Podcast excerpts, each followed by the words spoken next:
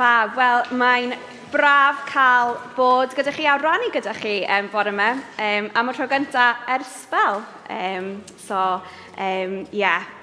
Heddiw, dyn ni'n parhau yn y cyfres. Dyn ni bod yn um, edrych ar, um, yn canolbwyntio ar fywyd Elias.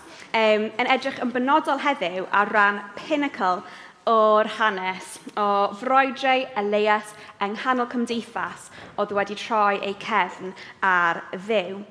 Ac ar y pwynt yma yn y stori, roedd proffedoliaeth Elias wedi dod yn wir ar ôl rhybuddio'r brenin Ahab, pobl Israel a'r proffwydi Baal, um, iddyn nhw troi cefn nôl ar ddew a dechrau addoli fe unwaith eto yn lle addoli Baal um, a'i diwiau. Felly, roedd tair mynedd di bod ers hyn a wedi pasio ers i unrhyw law um, dod i lawr. A doedd dim golwg um, o'r pobl yn troi yn ôl at ddew. Dim newidiadau, dim edifeirwch. Fel petai na allai pobl Israel gweld y cyswllt rhwng ei resistance i newid a'r diffyg glaw. Neu efallai jyst ddim isio gweld. I Elias, mae rhaid, roedd hyn yn sefyllfa yn rhoestredig iawn, gyda'i alwad i fod yn llais diw i'r pobl yma, iddyn nhw troi yn ôl ato fe, heb unrhyw loeddiant hyd yn hyn. Ond, roedd yr amser wedi newid. Fel soniodd Rhys oethnos diwetha, roedd hi'n amser i Elias rhannu gair diw. Amser am adnewyddiad – lloer. Felly mae hyn yn arwain Elias i wneud rhywbeth mawr iawn. Herio brenin Ahab a'r proffoedi Bal i gyd i showdown ar fynydd Carmel. Gyda'r bwriad, byddai'r showdown yma yn dangos pwy ydy'r gwir dew. Bal neu'r arglwydd dew. A dyna di'r pwynt dyn ni wedi cyrraedd yn yr hanes. Felly, dyn ni'n dechrau darllen bore yma yn un brenhinoedd, um, penod 18, yn dechrau ar adnod 20. Felly dyma Ahab yn, gof, yn anfon neges at holl bobl Israel a dod a'r proffoedi i gyd at ei gilydd i fynydd Carmel. Dyma Elias yn sefyll o flaen y pobl i gyd a gofnydd nhw. Am faint mwy dych chi'n mynd i eistedd ar y ffens – Os mae'r arglwydd ydy'r diw go iawn, dilynwch e, ond os bal ydy e, dilynwch hwnnw. Ddywedodd neb yr un gair. Felly, dyma Elias yn dweud wrth y bobl, fi ydy'r unig un sydd ar ôl o broffoedi'r arglwydd, ond mae yna 450 o broffoedi bal yma. Dewch â dau darw ifanc yma.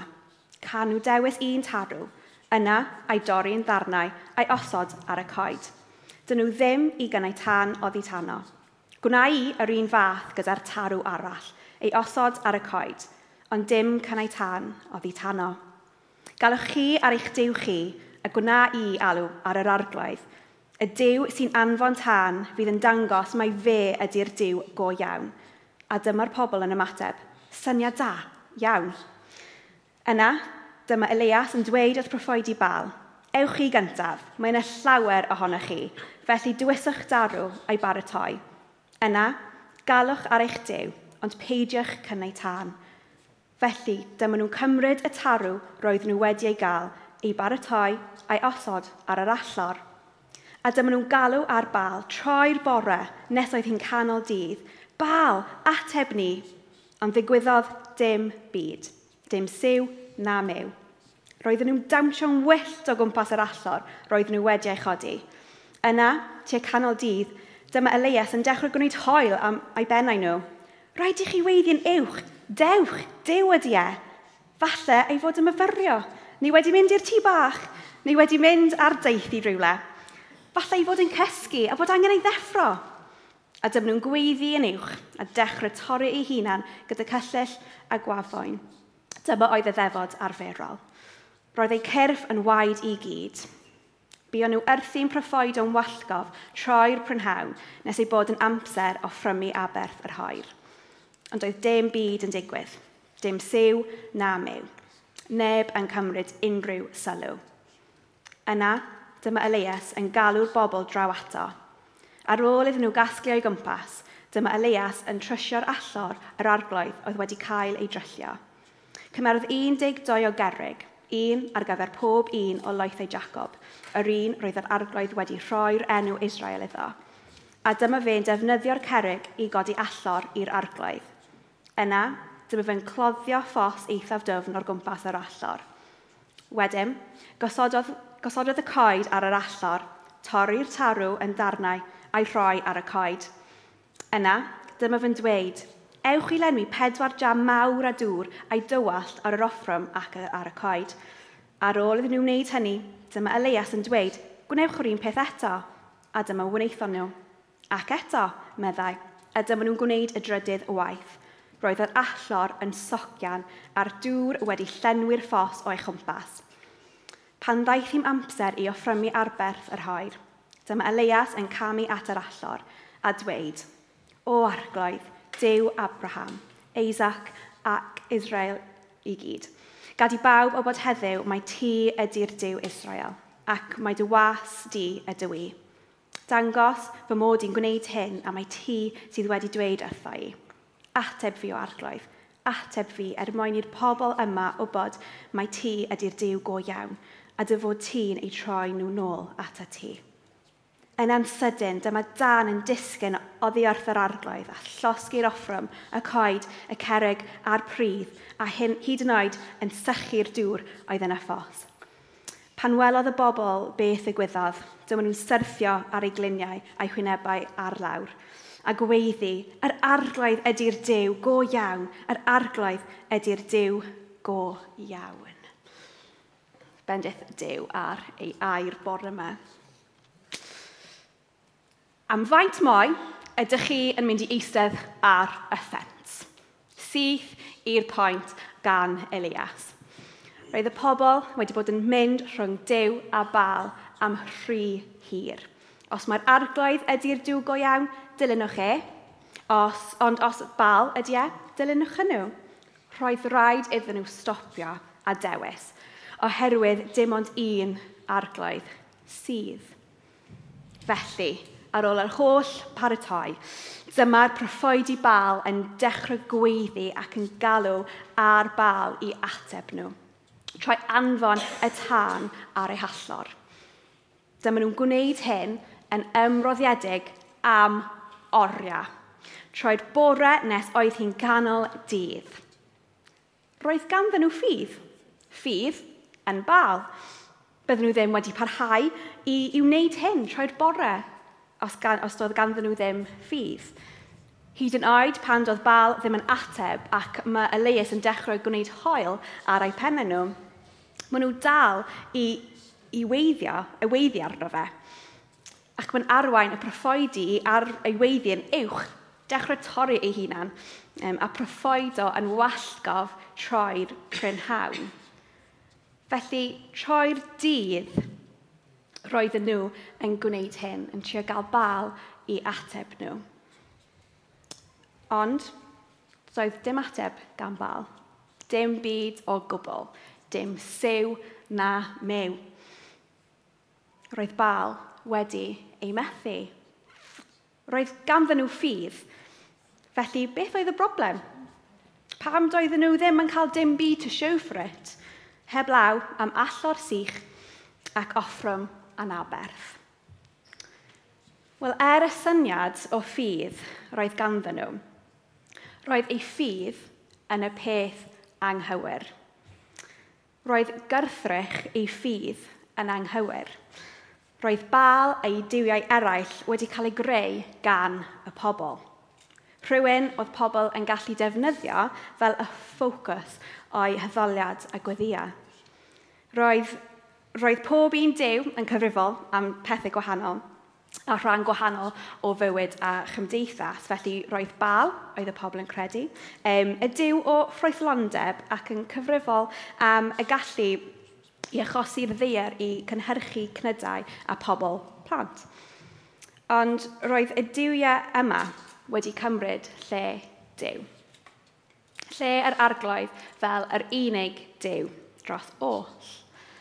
Wrth gwrs, roedd Baldwin wedi ateb y proffoedi a'r gwyddiau a'r gweiddi yma, oherwydd doedd neb yna i rando yn y lle gyntaf. Er ei bloeddiant ddiffiant am help, roedd ei ffydd wedi'i rhoi yn y lle anghywir a'r person anghywir. A dyna ydy'r gwahaniaeth ni gweld yma rhwng ffydd fel syniad niwlog ac yna ffydd go iawn yn new.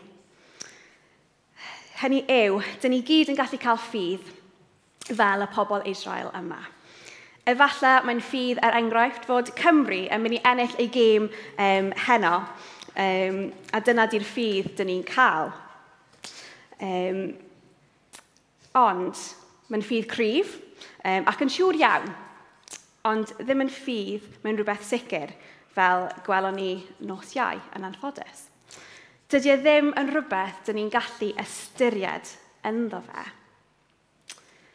Hefyd, roedd y ffydd oedd gan y pobl Israel un o transaction.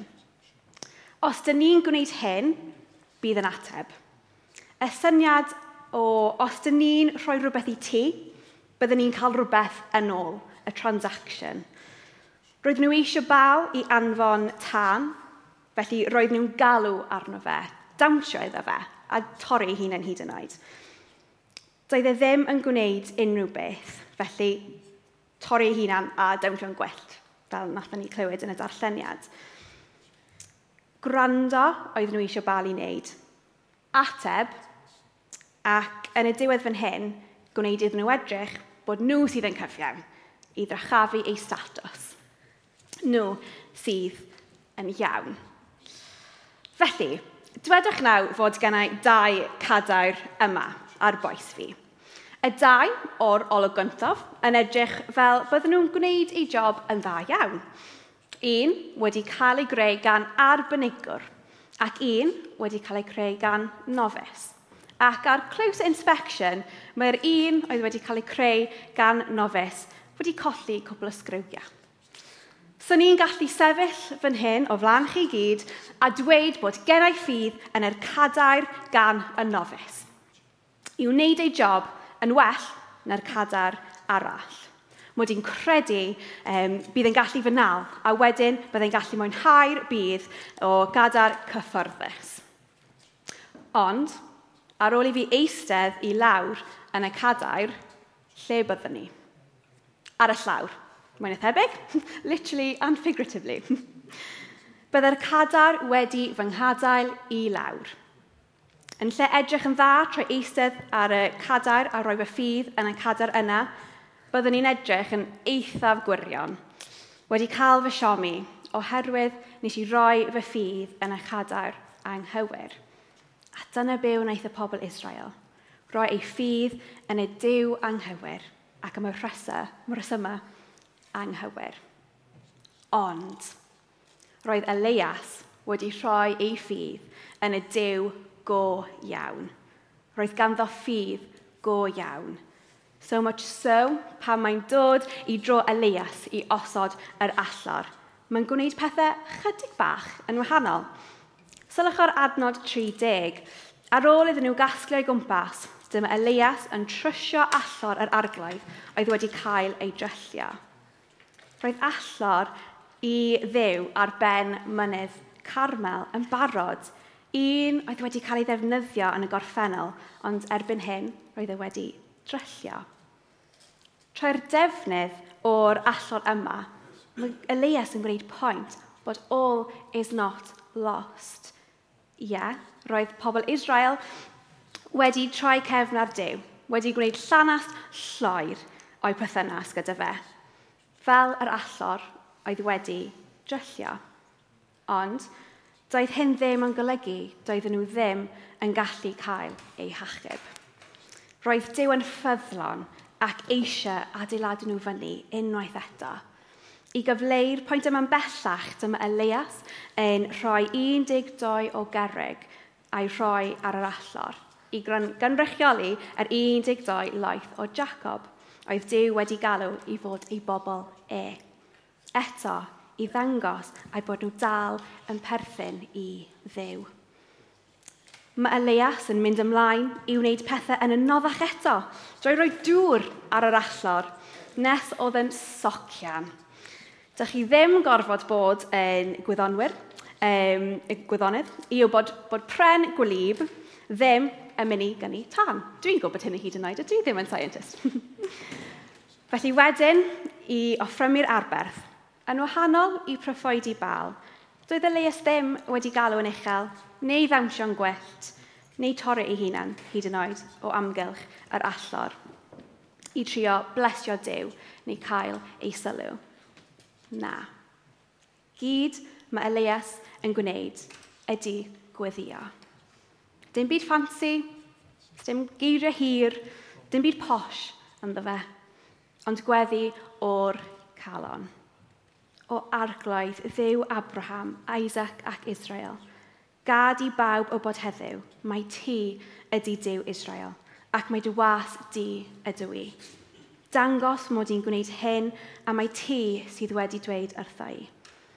Ateb fi o arglwydd, ateb fi er mwyn i'r bobl yma wybod mae ti ydy'r Dyw go iawn a dy fod ti'n troi nôl at y ti. Roedd gan Elias ffydd go iawn i ymddiried yn lloer byddai'r arglaidd yn ei ateb. ateb. Dim ffydd lle roedd Elias yn mynd i gael ei anrhydeddu trwy ddefe neu i ddrechafu ei status, ond er mwyn i ddew cael ei anrhydeddu. Mae Hebreaid 11 adnod 1 yn dweud hyn. Ffydd ydy'r sicroedd fod beth ni'n gobeithio amdano yn mynd i ddigwydd. Mae'n dystiol ei sicr o reality beth ni ddim eto yn ei weld. A dyna'r math ffydd oedd gan Elias.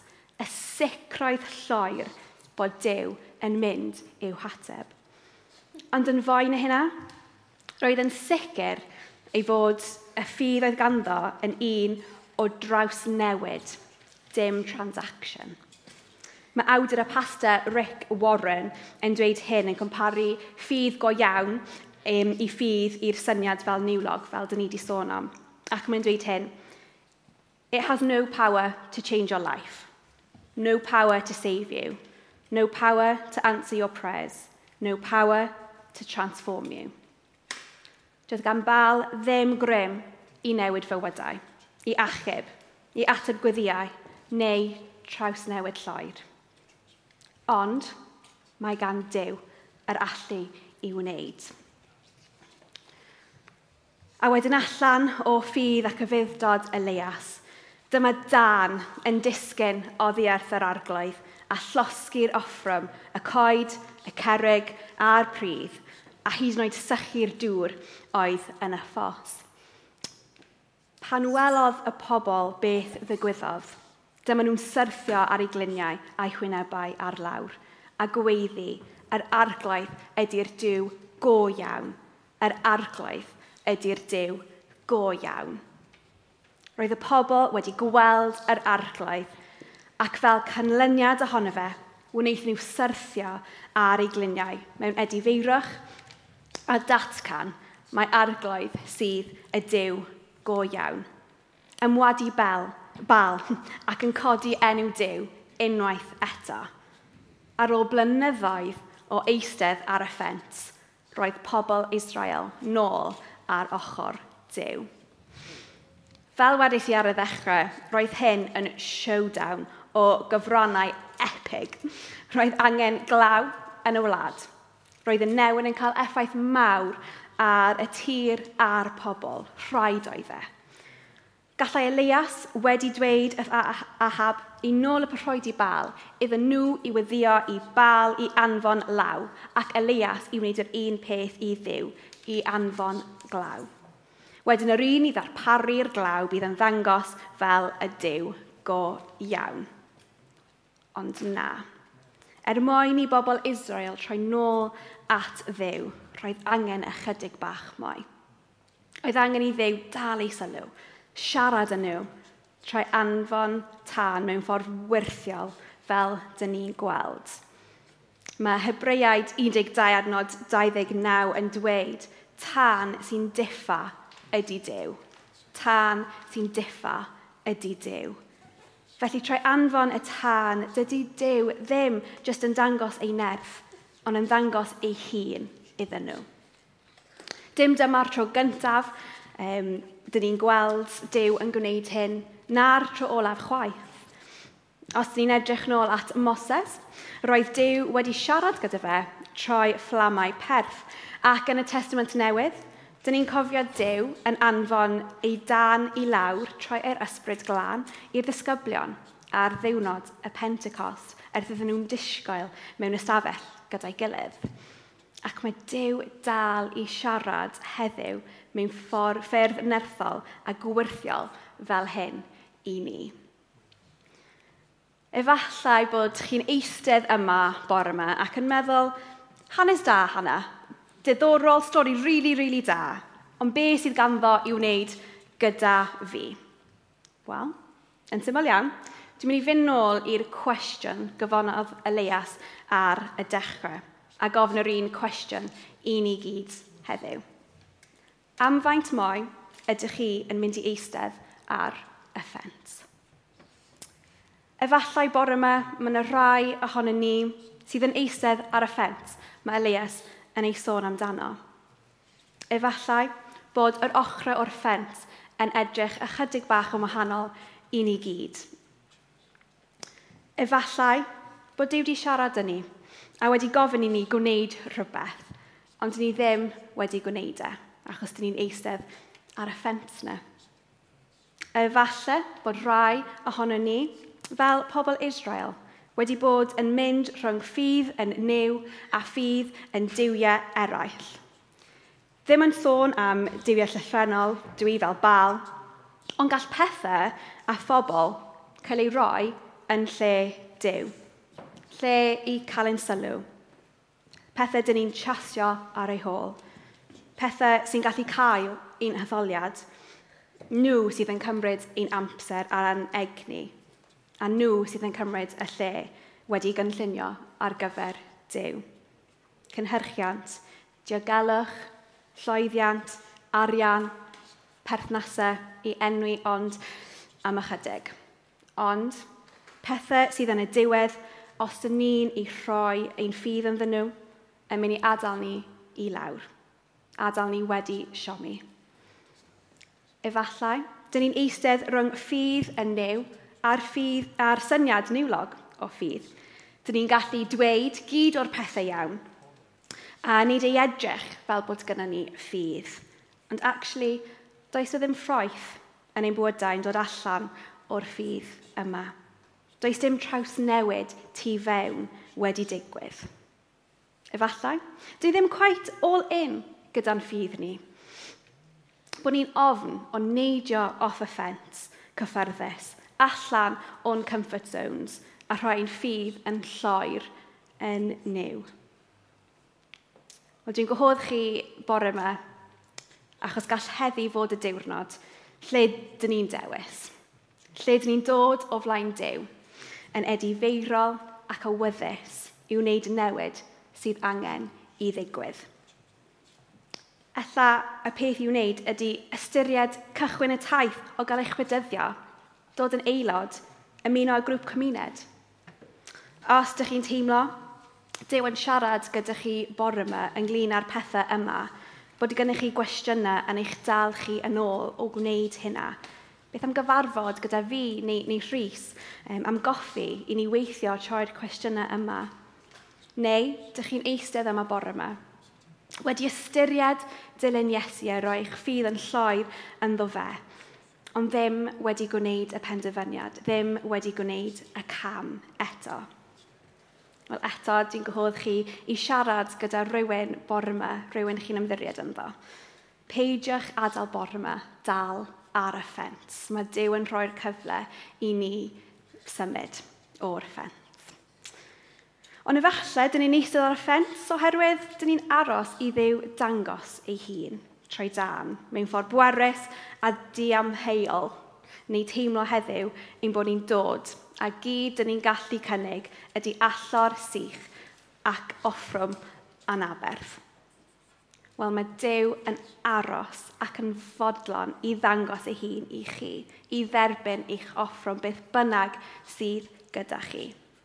Oherwydd yr aberth moia o'i fab Iesu Grist ar y croes, drostom ni gyd, dyn ni gyd yn gallu dod ato fe, dod i nabod Dyw, dod i nabod y Dyw yn personol i ni cael y trawsnewid yn ein bydau, yn defnyddio beth sydd gynnon ni, i adnewyddu ni ac i weld ei holl ysblander ac anrhydded, ac i ddew defnyddio ni, just fel Elias.